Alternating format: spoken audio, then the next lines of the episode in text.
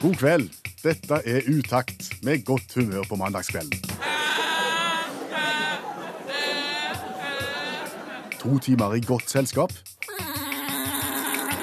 Med variert musikk. Rev satt og skrev bebe lille lam. Per Øystein Kvindesland. Og Bjørn Olav Skjæveland. Jeg erklærer herved Radioprogrammet Utakt for åpnet.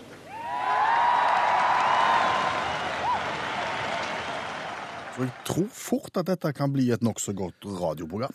Det tror jeg òg, spesielt hvis vi, altså Utakt, klarer å utfylle formålsparagrafen sin. Håndheve formålsparagrafen, vil jeg Ja, si. det er jo en todelt formålsparagraf. Eh, Formålsparagrafer generelt pleier jo bare å være énledda. Vår er jo todelt. Del én. Eh, Det Utakt skal være godt selskap en mandag kveld. Ja. Del to. Det er at uttak skal prøve å skape godt humør på en mandagskveld. Ja. Så enkelt, altså så vanskelig, men vi skal gjøre så godt vi kan. Ja, og hvis vi gjør så godt vi kan, så kan ikke folk forvente mer. Og det som jeg tror er viktig nå på Øystein, det er å komme i rett stemning. Hvilken stemning tenker du på da? Korpsstemning.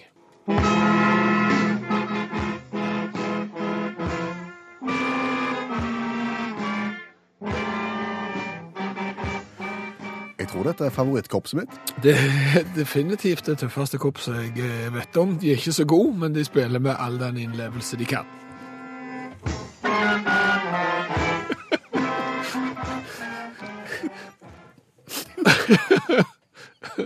Å, fy og fy for et korps.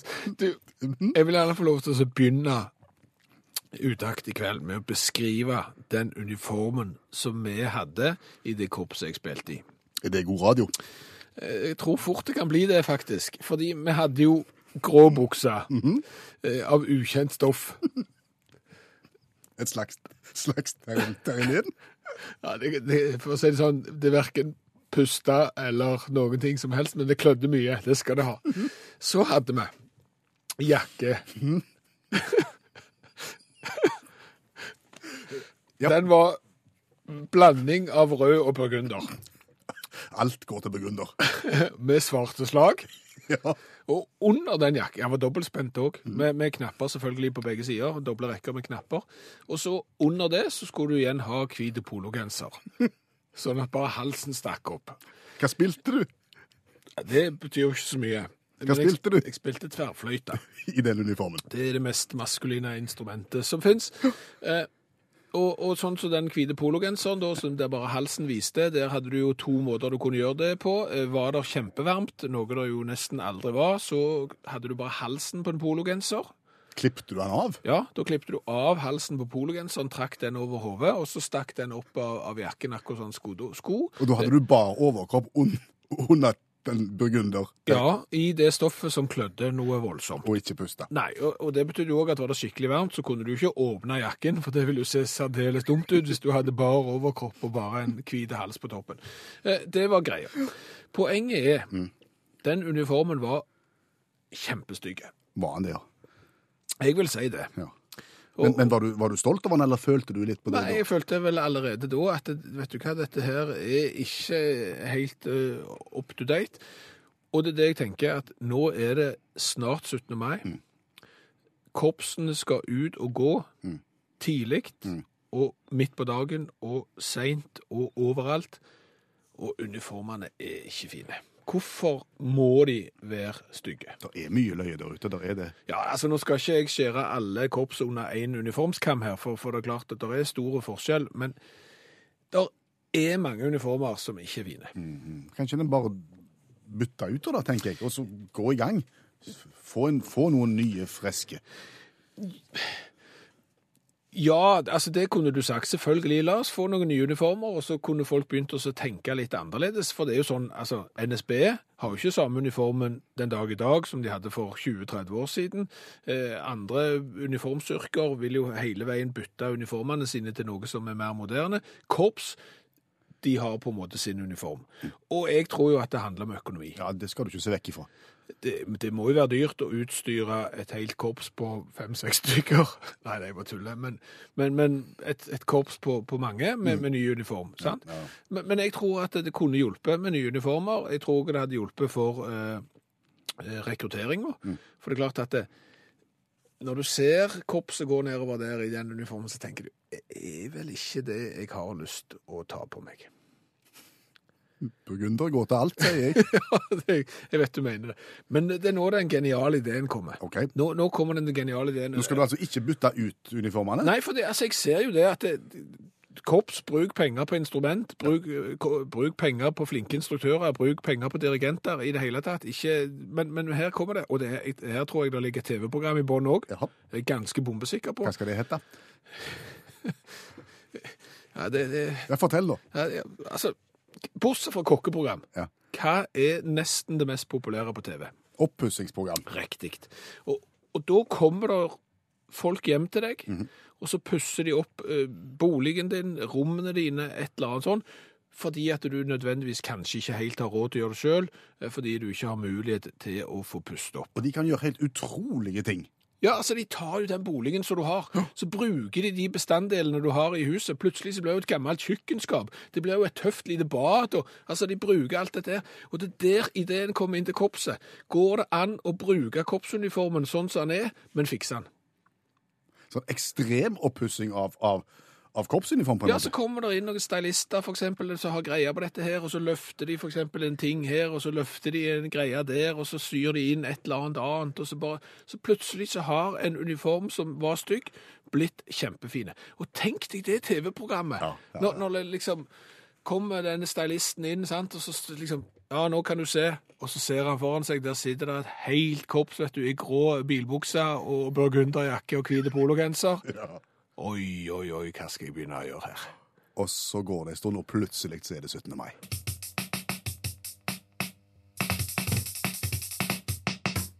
Det lukter Melodi Grand Prix. Det gjorde det, og det lukter jo Melodi Grand Prix, for snart er det Melodi Grand Prix, eller Eurovisjonen som mange kaller det. Og vi har jo da ei dame som heter Agnete, som skal ut og synge. Ja. Og hun har sin bakgrunn. Hun har jo samiske røtter. og, og dermed så kunne vi jo lese på nrk.no at det samiske flagget, det vil ikke være lov å ha med seg inn i salen og veive med det når Agnete synger. Hvorfor skulle ikke det være lov? Altså, Reglene er sånn at det er da kun tillatt med flagg fra det deltakende land, altså det skal da være det norske flagget, eller så kan du ta med flagget til land som tidligere har deltatt, eller flagg fra land som er fullverdige medlemmer av FN, det vil si at du kan stå og veive med flagget til Australia, mens Agnete synger, men du kan ikke eh, veive med sameflagget. Er det noen unntak fra denne regelen her? Det er veldig bra du spør. Det er to. To unntak. To unntak. EU-flagget kan du ta med. Det er jo alle tiders. Og så kan du ta med regnbueflagget. Regnbueflagget, eh, de homofile sitt flagg. Ja. Delvis tillatt, står det. Bare delvis. Ja, jeg er litt usikker på hva som ligger med delvis tillatt eh, regnbueflagget, men, men, men det kan du da ta med inn. Og der Ja.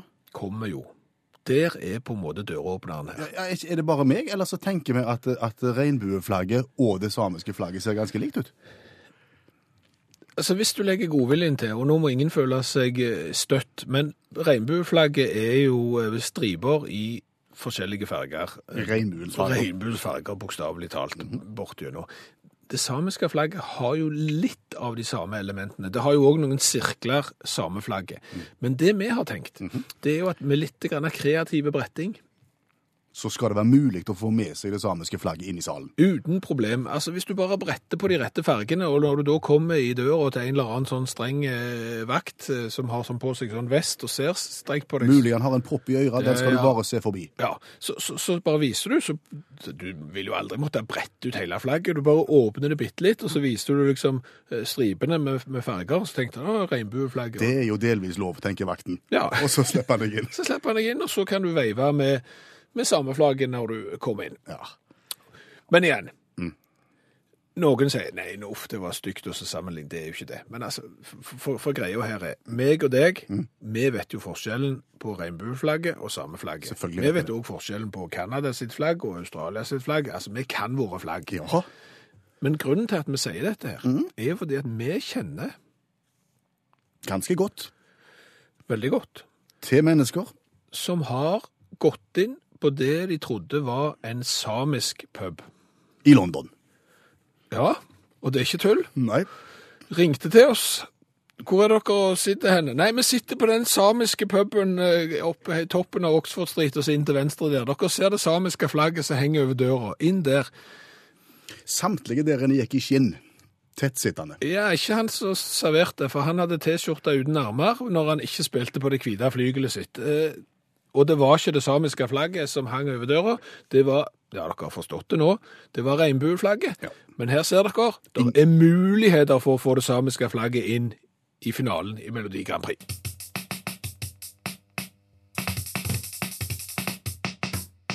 Og rett skal være rett, Skjæveland. Ja, det kan rett og slett høres ut som om EBU, den eh, europeiske kringkastingsunionen, hører på utakt, og nå ser at det er ingen grunn til å forby eh, samenes flagg når det bare Nei, ja, samenes flagg når de bare kommer til å brette det.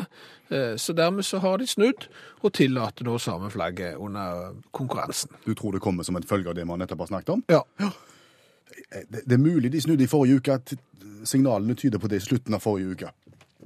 Så vi burde fulgt bedre med. På en måte. Det er ikke første gangen, sa du. Skal ikke gå utover meg, det. Nei. Utakt hører du. NRK P1. Og vet du hva, Skjæveland? Jeg har en teori om at sånne folk som deg er litt mindre likt enn andre folk. Det er harde, brutale ord jeg nå serverer, men jeg står inne for dem. Folk som meg er ikke godt likt. Altså, litt, litt, litt mindre likt enn enn mange andre.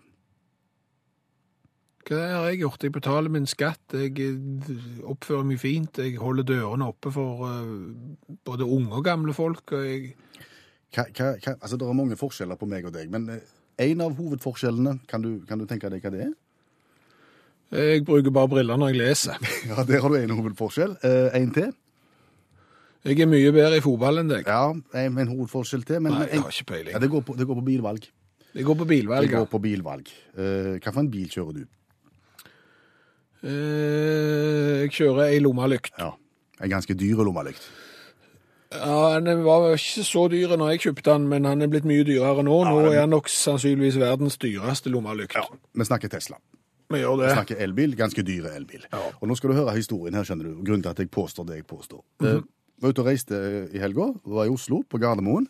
En, en liten delegasjon som, skulle, som fløy fra Stavanger til Oslo og skulle bli henta der. Og vi var såpass mange at vi måtte bli henta i to biler. Eh, De som skulle hente oss, de er da innehaver av en Tesla, lik din, Ja, flott. samme farge, og en Fiat 500. Det er en sånn liten, hvite søt en, på en måte. Det går nok to sånne på en Tesla, ja. Det gjør nok det, sa. I volum. Ja. Begge de to var da salt opp for å hente oss. Ja. Og de stilte seg opp på den femminuttersparkeringen på Gardermoen ved ankomsthallen der. Du kan kun stå i fem minutter. Først sto Fiaten, så sto Teslaen, og ingen andre biler lenger bak. Så gikk de for å ta imot oss, og så var jo flyet litt forsinka. Det er det jo alltid. Ja. Og dermed så gikk jo parkeringen ut, så vi kom jo opp da ca. fem til ti minutter etter at de fem minuttene var utløpt. OK. Da lå der ingen bot på Fiaten. Ja. Men jeg føler det ligger et men. Det ligger et men her, skjønner du. Ja. På Teslaen, Ja. der ligger boten. 700-800 kroner i bot. Ja. Så da har altså parkeringsvakten gått forbi den lille søte Fiaten og bort til Teslaen og lagt på bot, selv om begge har, har på en måte brøt nøyaktig den samme regelen. Ja. Har du en forklaring på det? På hvorfor det er sånn? ja. Du òg? Ja. Ja. Det, det, det- det er klart at eh, Hva tror, du tenk, hva tror du parkeringsvakten tenkte? Jeg tror parkeringsvakten tenkte, der har du de der snulterne. Ikke skal de bare kjøre elbil, de skal kjøre den dyre typen. De skal ikke betale moms for den. De skal ikke betale eh, engangsavgift for den. Nei. De skal ikke betale bompenger for den. De skal betale 450 kroner i årsavgift for den. De skal lade gratis, de skal parkere gratis. Det er snultere. De, de slipper ikke på noen måte unna min penn. Nei. Nei. Og hvis det skulle fortsette, så hadde jeg også sagt at de produserer sikkert mye mer CO2 når de bilene blir lagd, enn sånn, og så videre, og så videre, og så... Så la han lappen på døra. på, på vinduet. Hva tror du samme vakten tenkte når han så, til, så Fiaten? Å, søte den. Uskyldig. Og en liten, nusselig bil. Ja, ja, han tar ikke så mye plass heller. Nei. Nei, han står bare litt feilparkerte, for han står bare halvannen meter feilparkerte, for han er jo så liten. Ja. Koselige de. Ja, de er det. Tror du han så for seg sjåføren? Jeg tenker, Tror du han så for seg hvem som førte Teslaen, og hvem som førte Fiaten? Det kan godt hende. Hvem tror du han så for seg førte Teslaen? du? Eh, et litt Altså, jeg tror fort enten lyseblå skjorte eller eventuelt rosa eh, kan tendere til halstørkle, eventuelt. Vi snakker mann. Vi snakker mann, ja. Ja, ja, ja. 40-50 år. Å, ja. Ja. Med gjerne utpreget Oslo-dialekt. Litt irriterende arrogant. Ja, det vil jeg si. Det vil jeg si. Hva tror du satt inn i Fiaten? Og ei fine dame. Ja, sant, det har vi.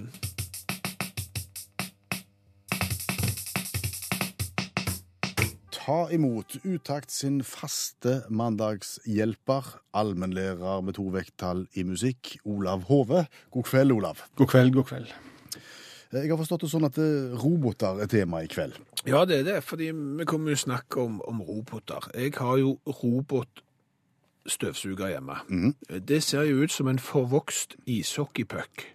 Ja, det kan du si. Ja, og, og dermed kommer kom vi til å tenke på, hvor ble det av den der menneskelignende roboten, den som vi ble forespeilt når vi vokste opp at skulle komme, som gjorde alt arbeidet for oss som vi ikke hadde lyst til å gjøre selv. Vet du noe om det, Olav? Hvordan står det til i robotverden 2016?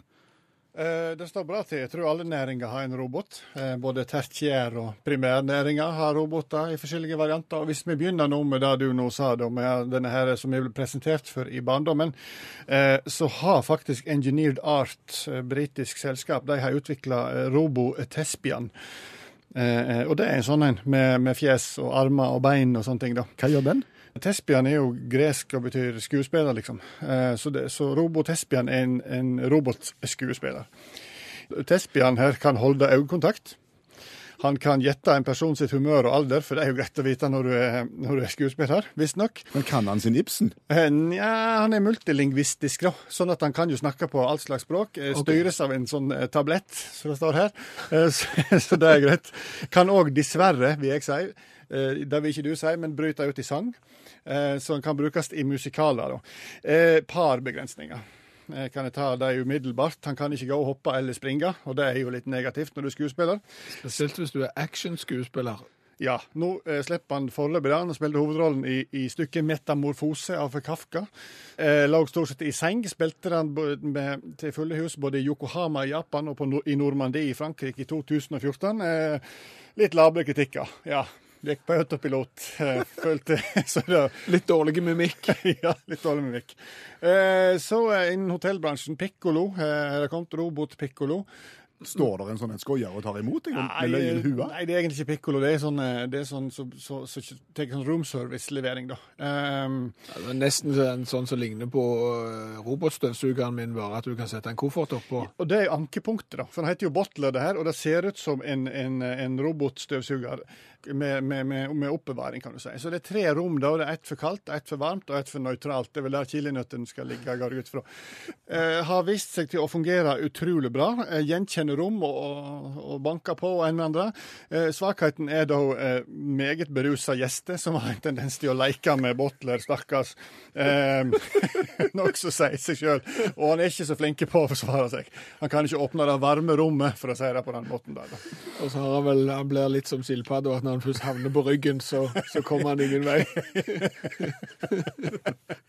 Absolutt. Absolutt. Altså, når vi er- i, eh, kan du si, i hotellbransjen eh, eh, Folk har jo alltid drømt om å ha en kokk. Eh, til, til robotkokk, for det må være perfekt. Der er det ikke kommet langt, altså. Eh, Det er nesten ikke verdt å nevne det, men Dazzling Noodles er restaurantkjede for kinamat nord i Kina, eller de kaller det jo bare mat der. Eh, I Shanxi-provinsen for øvrig. Eh, der har de, der har de en, eh, en robot som de kaller for Foxboot. Eh, er såkalt nudelkapper. Det er så langt som de er kommet, da. Han vasker seg sjøl for øvrig, så hygienisk sett så er de jo er de kommet bra. Eh, ligger, hva syns du om kamelveddeløp? Hva forhold har de til kamelveddeløp? Eh, Bare at det blir sagt hver gang Norge gjør rent bord i langrenn, at husk det, kamelveddeløp er større enn langrenn i verdenssammenheng. Ja, tradisjonelt sett en liten idrett i Norge grunnet tilgangen på kamel er liten, spesielt i vinterhalvåret. Og, og det, men i Midtøsten så er jo kamelveddeløp stort. Og, og akkurat som i galopp, så dreier det seg om vekt på jokken. Jokken må være ganske flinke, men, men tub, for å være ærlig, det dreier seg om vekt. Og Før i tiden så drog det litt langt, så to- og treåringer var jo vanlige som jockeyer på kameler. Eh, Nå ble det forbudt i 2002. Irriterende. Fikk ikke lov mer. 2003 så kom eh, den første robotjockeyen. Eh, og det er såkalt kortreist robot, for det er, det er, det er rett og slett omskolerte driller. Så hvis de lurer på hvor, tort, hvor tunge det er Det valgte visstnok beste drillen, som de omskolerer. Rett og slett en sånn batteridrill, sånn som jeg skrur i veggen med å bore hull og sånn. Det, Det- det er den som styrer Det, kamelen. det er korrekt, og så modifiserer de den litt, så de kan styre med akkurat som et sånn fjernstyrt fly, liksom. Så da springer kamelen, mens jockeyene sitter da inne og styrer med, med sånn antenner og, og den type ting. Men så må du òg gi kommandoer, og på toppen da så har de et hode sånn at det ser ut som en jockey, og der er det en, en, en høyttaler, så du kan da eh, ved hjelp av walkietalkie-teknologien komme med kommandoer til, til kamelen. da. Så håper jeg han ikke tar den eh, drillen min, for den har batterikapasitet på ca. 3,5 minutt. Så jeg ville jo aldri fått eh, kommet i mål. Da hadde du fått på bukkelen. En sprintkamel.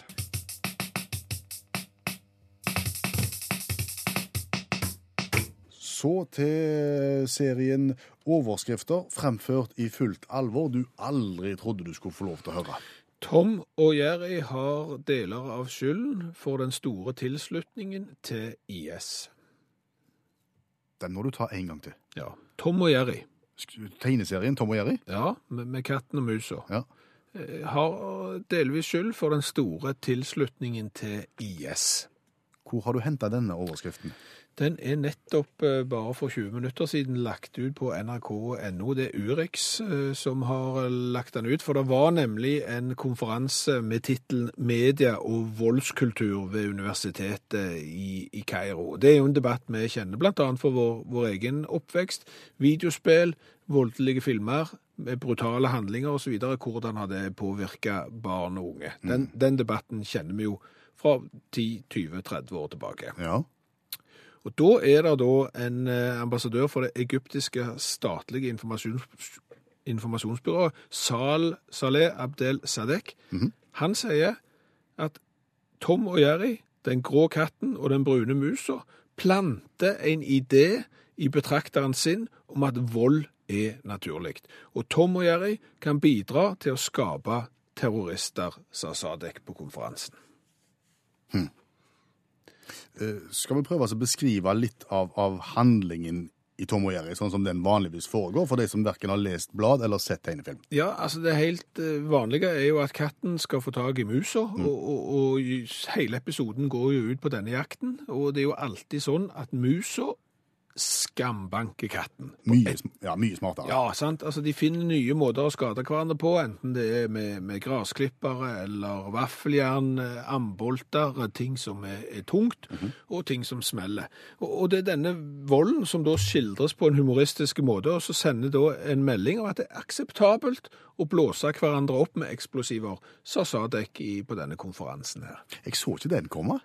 At, at, Tom- at Tom og Jerry skulle bli underlagt jeg, jeg ville komme på en del andre ting, tror jeg først, men vi vet jo det. Altså, media har makt, Mm. filmer har, har makt, og tegneserier har kanskje større makt eh, enn vi trodde. Du skal ikke undervurdere det, altså. Du skal ikke det. Nei, eh, og jeg begynte jo også liksom se tilbake på min egen oppvekst. Du har lest mye Donald, du. Jeg har lest mye Donald, og det er klart den perioden når jeg gikk uten bukse, med bare skjorte, eh, tyder jo på at jeg kanskje har blitt påvirka av, av ting som, som jeg leste. Jeg vet ikke hva du leste. Nei, altså, jeg, jeg har slitt mye med prolaps et, etter at jeg begynte å slite på bautastein. Lest mye Asterix. Å ja, OK. Hva har du til middag, da? Hva jeg har til middag? Ja, Er det bare villsvin? Ja, mye villsvin. Mye villsvin. Ja, ja, det. der ser du.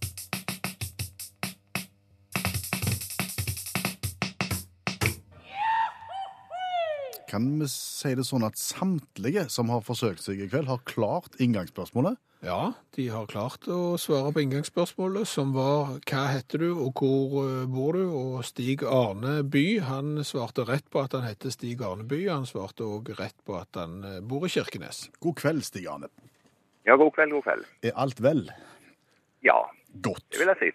Kjenner du til Utakt sin konkurranse? Jo da, har fått det med meg noen ganger. Så bra. Hvis du ikke har hørt konkurransen før, så skal jeg forklare deg hvordan det virker. Elleve spørrebøker. Stig Arne velger ei spørrebok. Vi trekker den. Et vilkårlig spørsmål. Svarer Stig Arne rett, så blir det Gladjodling. Svarer Stig Arne feil, så blir det tristjodling. Men uansett så skal han få lov å gå i Kirkenes med ei svarte T-skjorte med utaktmotiv og vedhals. Skal vi bare begynne, Stig Arne, og så ta og plukke ei bok fra 1 til 11? Ja, vi kan begynne med nummer sju. kan begynne med nummer sju. Eh, Da har du trukket den rosa boka vår, som er erotisk quiz. 669 pirrende spørsmål. Eh, Der er det sånn at eh, du får ikke lov å velge spørsmål, for mange av de er så ubeskrivelig grove, og mormen og farmen og til og med bestemor mi tror jeg hører på av og til, så da tør jeg ikke ta de. Så derfor så får du et forhåndsvalgt spørsmål som er innenfor grensa. OK, er du klar, Stig Arne? Ja, Hvor mange kalorier forbrenner en gjennomsnittsperson i løpet av en 30 minutters sexakt? Er det A 1000, B 200 eller C 700? jeg vil tippe på at det kan være C. Oi, der kom tristjodling. Ja, det kan jo hende noen er mer aktive enn andre, men svaret er da 200 kalorier, så eh, jeg vet ikke hvor mye det tilsvarer. Ei halv skolebolle eller noe sånt? Jeg er ikke sterk på, på kalorier. Ikke det? Ikke det heller. Nei. Ja, ja. Hva gjør Stig Arne på eh, en mandagskveld, bortsett fra å høre på utakt? Nei, svært lite egentlig. Ikke noe særlig. Nei. Vi har hatt en voldsom sommer eh, på Sør-Vestlandet de siste dagene. Det har ikke vært så godt og varmt oppe hos deg, forstår jeg? Nei, i dag har han vært eh, Akkurat nå er han fem grader, så det er ikke akkurat det beste været her. Nei, her har vi vel hatt 25, tenker jeg, i dag. Ja. Men vi skal vel ned mot 5 på 17. mai, tenker jeg. Så ting sånn som Du det skal skal nok helt sikkert slutte på 17. mai, og du skal få vondt i hodet når du går i 17. mai-tog fordi det er så kaldt. Eh, ti bøker igjen, eh, Stig. Hvilken skal vi ta? Vi kan ta nummer to. Da kan vi ta nummer to. Det er da 1000 spørsmål fra Geni, som var et vedlegg til Norsk Ukeblad i påsken 2016. 64 sider å velge i. Ja, Da vil du ha sidenummer. vi kan ta side nummer 20. Hva heter kategorien da? Da er vi på TV og underholdning, og det er 22 spørsmål på den sida. Ja, vi kan ta nummer 10. Hva heter overnattingsstedet som drives av Norman Bates i Alfred Hitchcocks film Psycho? Oi, det der er ikke mitt område egentlig. Nei, men et stikkord her vil jo være Altså, dette her er da et familiehotell. Motell. Ja. ja. Det drives da av Norman Bates. Ja, Og så er det et motell. Og så er det han ja jeg, har, jeg har vært borti en TV-serie hvor du hadde noe som heter Bates motell. Ja. Og verre var det ikke, Stig Arne. Det er vel en TV-serie som baserer seg på filmen til Alfred Hitchcock, hvis jeg ikke tar feil. Så bra. Da har vi 1-1 i rette og gale svar, og så har vi ei spørrebok igjen. Og da velger du fra 1 Ja. til 9. Da kan vi ta Var det 11 som var det høyeste nummer du hadde? Ja. Da går du der, ja. Ja. Hvor havna vi da? Da havner vi på feriequiz. 1000 spørsmål og svar for hele familien. Se det. Og der er det hele 208 sider, så du får bare velge. ja, vi kan ta side 100. Er du sånn quizer, sånn som går liksom på, på, på, på quiz og, og den slags? Nei, jeg vil ikke si at jeg er noe særlig inne på, inne på det området. Nei. Har du noen favorittkategori, så eksempel hvis jeg sier at side 100 det er sport? Eh, ja, kan jo være. Ja, for det er det, nemlig. Det, det, kommer jo helt an på hvilket spørsmål det blir. Det vil vise seg du skal velge fra 1 til 10. Ja, vi tar midt på treet, nummer fem. Hvilken Rosenborg toppskårer og skihopper fra 70-tallet var flaggbærer under Grenoble-OL i 1968? 1968. Ja, det er litt langt tilbake. 68 Da var jeg bare seks år. Han var både fotballspiller og skihopper. Ja, ja. de er det ikke så mange av. Nei, Ikke Bjørn Tore Kverme. Ikke Vegard Heggem. Nei. Nei, vet du det at det der eh, er jeg rett og slett eh, svært usikker på. Kan vi hjelpe litt? Det er en du ikke skal hoppe etter. Du skal helst hoppe før han. Han, Hvem er det alltid vanskelig å hoppe etter? Uh, ja, Bjørn Wirkola. I denne konkurransen så handler det om å gjøre hverandre gode, Stig Arne, og det syns jeg vi klarte veldig godt nå. Ja. Ja, men Det er bra. Da har vi gjort unna tre spørsmål, og så skal vi sende ei T-skjorte med vedhals av gårde til Kirkenes i morgen. Tusen takk for at du ville være med, Stig Arne. ja. Så satser vi på at temperaturen går opp noen hakk innen bakken når fram.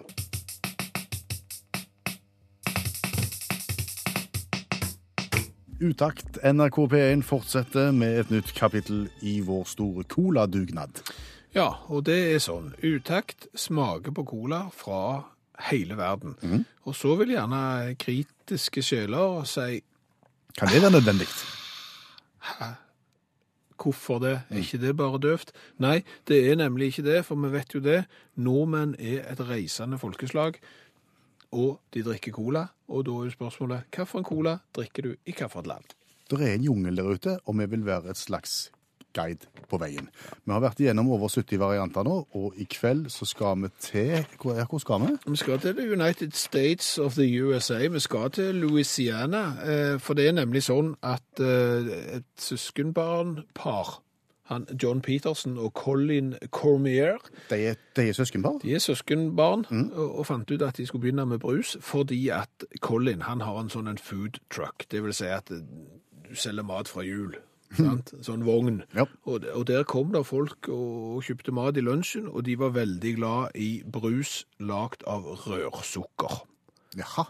Eh, For, til forskjell fra Sånn sukker-sirup-greier. Okay. Eh, og da fant han og søskenbarnet ut at vet du hva, den staten vi bor i, Luciana, de har lagd rørsukker i, i mange år og har en stolt tradisjon der. Kanskje vi skal sause sammen noe brus med rørsukker. Så gjorde de, og en av de er Svamp Pop Noble Cane Cola. Hva heter han, sa du? Svamp Pop. Ikke Svampebob? Nei, eh, Svamp Pop. Det har med musikk å gjøre, sa du, for Luciana lagde da en sånn en blandingsmusikk, som var en blanding av rhythm and blues, country og litt sånn kajun-musikk, ja. som jeg ikke vet helt hva er. Eh, Og det ble kalt for Swamp Pop. Og dermed så ble colaen hettende Swamp Pop Noble Cane Cola. Akkurat. Og den har vi fått tilsendt av eh, en av eh, Utakts mange lyttere, og tusen takk for det. Og det vi skal gjøre nå, nå skal vi smake på verket. Ja, og flaska er brunt glass som ei flaske med pils. Ja, Og etiketten er jo litt sånn svampegrønn, altså swamp, altså sånn sumpgrønn. Og så er det ikke sånn kork vi skrur opp, nei, det kjente jeg på fingrene nå. du må ha brusåpner på den. Ja. Ja. Og, Det er glassflaske, det kan vi høre. og det er kålsvart, det som kom ut. Og vi gjør som vi pleier nå, nå smaker vi først, gir karakter fra 1 til 10 på smak, og så gir vi karakter fra 1 til 10 på design etterpå. Ja, du kan se at det, han var veldig, veldig svart. Og ikke spesielt god. Å, fei. Var det var ikke så vondt. Jo. Det smakte tyggegummi, men det kan...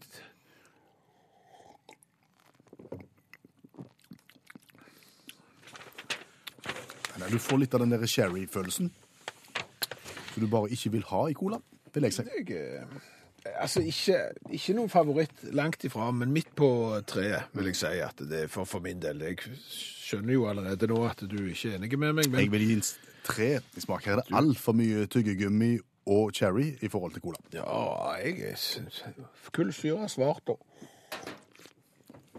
I overkant søtt, ja. Men eh, fem på meg, tre på deg, og så er det hvor kult dette er. Kjempekult. Stilige flasker på alle mulige måter. Ja, og, og det er veldig kjekt å se at noen lager cola uten at de må ta en rød boks med hvit skrift.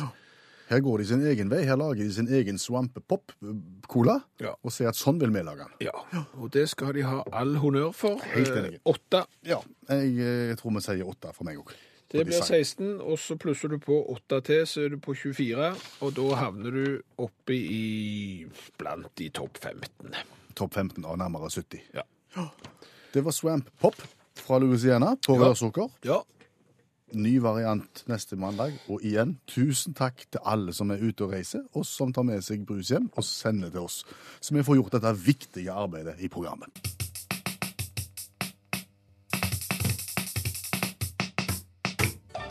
你不会说中文吗？没问题的，语 takt 要教你。 Skjønner du ikke kinesisk?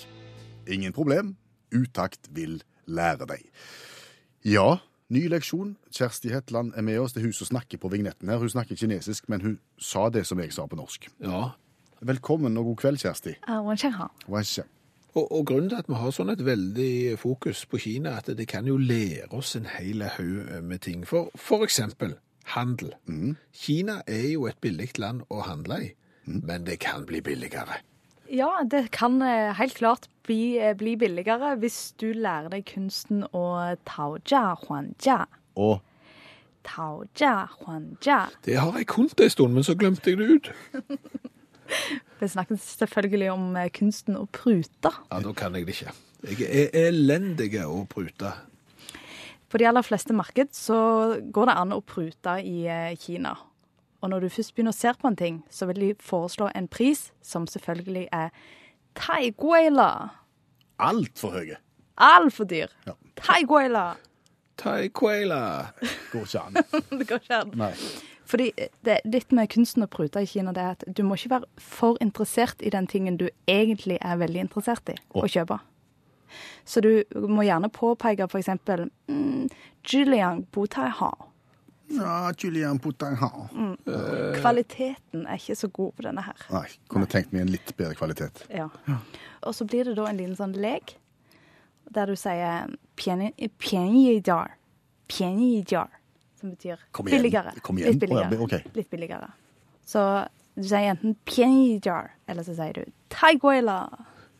Men, men er det sånn i Kina at det nesten er forventa at du skal prute? For noen plasser så er det jo sånn at hvis eh, du skal prute, mens i andre land så er det ikke så veldig populært hvis du pruter. Hvordan er det i Kina?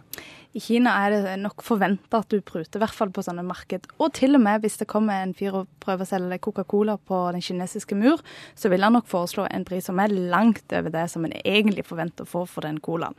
Ok, men den leken som vi da starta med her, fram og tilbake, hvor, langt ned tror du at vi vil få prisen med tanke på utgangspunktet, hvis vi har holdt på en stund der?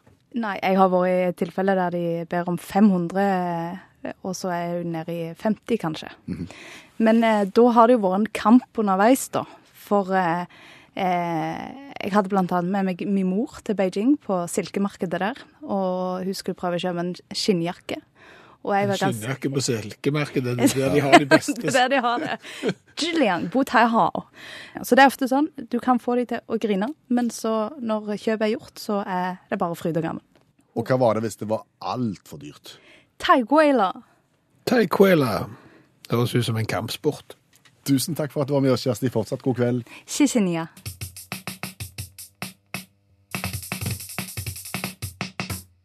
Og nå skal ikke vi sitte her og være gamle, sure, moralistiske mannfolk, men nå må russen se og skjerpe seg. Det kommer han allikevel. Hva er det nå russen har gjort? Nei, altså, de, har ikke, altså, de må jo kunne klare å skille med hva som er støtende, og hva som er ikke støtende. Ta det fra begynnelsen. Ja, jeg kan ta det fra begynnelsen. Russeknuter. Russeknuter, det er det galne og litt mindre galne ting du gjør for å få en knute i huet. Ja, det er det. Det er like kjedelig hvert eneste år når det ikke angår deg sjøl. Sånn er det. Vi samler ikke på knuter, og vi bryr oss ikke om Hvorfor snakker vi om det i radioen da? Fordi at det er nemlig sånn. Et av greiene som russen skal gjøre for å få seg knute, er jo å springe naken over gjennom bortover et eller annet. Det er jo det. Ja. Og da står det bak dette knuteforslaget her. Springe naken kan bli oppfattet som blotting og politianmeldt. Kan støte noen og bør derfor gjøres på kveldstid. Det er lagt ved en slags advarsel, altså. Ja, altså, kan støte noen hvis du springer naken en plass. Har de sett de andre knutene? Altså, spise sjokoladepudding fra ei bleie ute i det offentlige rom. Jeg ville sagt Ja. Jeg ville følt meg Det er ikke jeg den som føler meg veldig støtt, men på en skala for støting, for, for en støthetsskala, så ville jeg følt- meg mer støtt hvis en spiste sjokoladepudding fra ei bleie, enn hvis de sprang naken. OK. Eh, hvis de satt eksempel og, og spiste krem fra kroppen til hverandre, en, eh, til en sprayboks med sånn krem mm. fra fra kroppen til en medrus, Det ville du funnet støtende? jeg føler mye mer støtende, eh, og, og, og folk som kliner. Jeg liker ikke å se på folk som kliner. Da føler jeg vi må se en annen vei. Da, føler jeg om ikke støtt, så iallfall litt sånn ugreit. eh, fortelle om sin eh, siste eh, seksuelle opplevelse i plenum. Trenger ikke høre på. Nei, jeg ville følt meg mer støtt. Kan springe hvor naken dere bare vil. Det hadde jeg ikke følt meg støtt av i hele tatt. Så det du irriterer deg over russen, det, det er på en måte klassifiseringen av støtingen? Ja, jeg vil si det at Mm. de har ikke et avklart forhold til støting. Nei. Eh, hva blir folk støtt av, og hva blir folk ikke støtt av? Jeg, jeg tviler på at vi blir spesielt støtt av at dere eh, springer rundt en plass nakne. Nei, jeg, men jeg ville, jeg ville hengt på en advarsel rundt den nakenspringingen uansett. Ikke noe som har med støting å gjøre. Hva du ville advart ville mot? Lakksko. De er gyselig glatte. Hvis du skal springe naken rundt noe med lakksko, så er det veldig fort gjort å ramle. Og det er ganske vondt og dumt å ramle naken. Ok, så... Bare, bare, bare, jeg, nå tar jeg det helt ut fra det blå, altså. Jeg, jeg aner ikke helt hvordan det kom til. Det, er det noe sjølopplevd her? Altså, eh, du fikk Knute for å springe naken rundt politistasjonen i sin tid.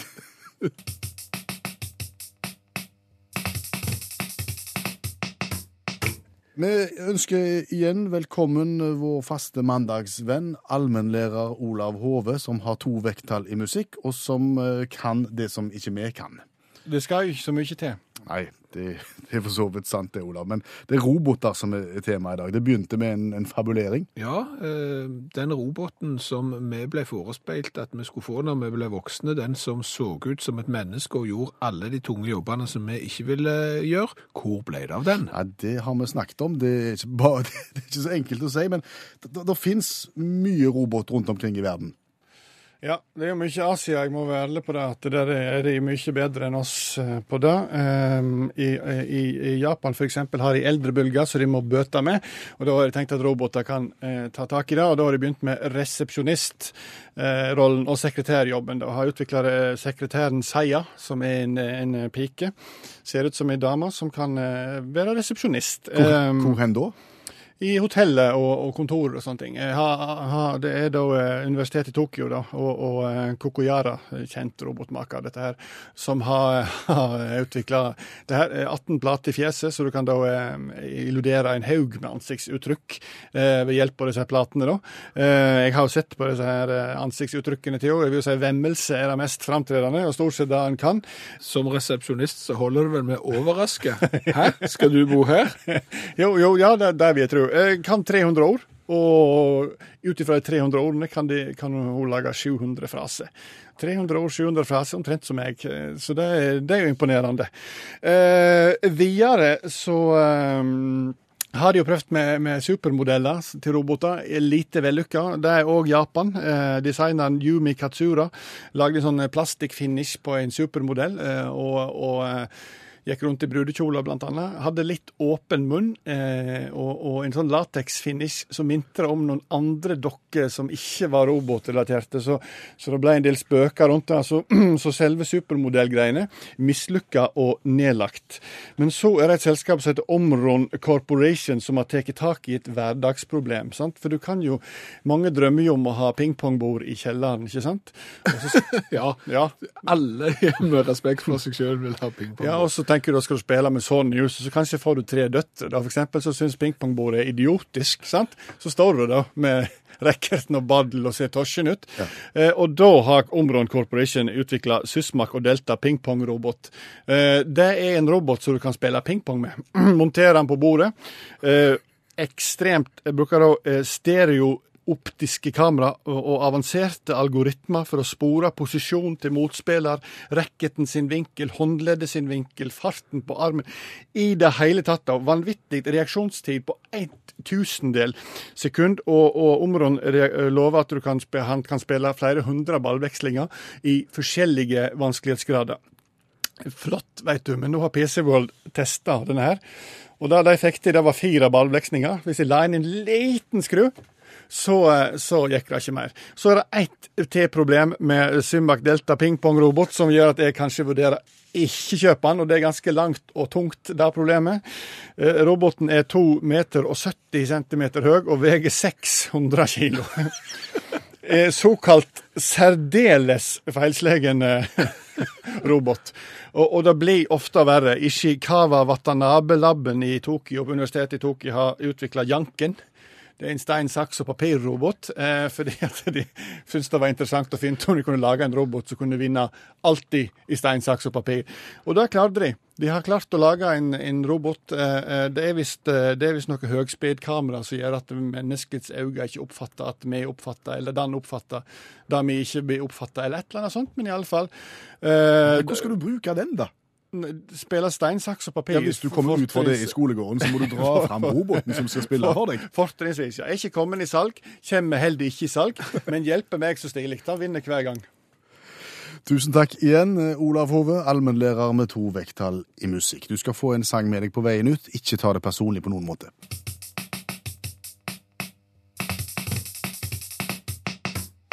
Hør flere podkaster på nrk.no podkast. NRK P1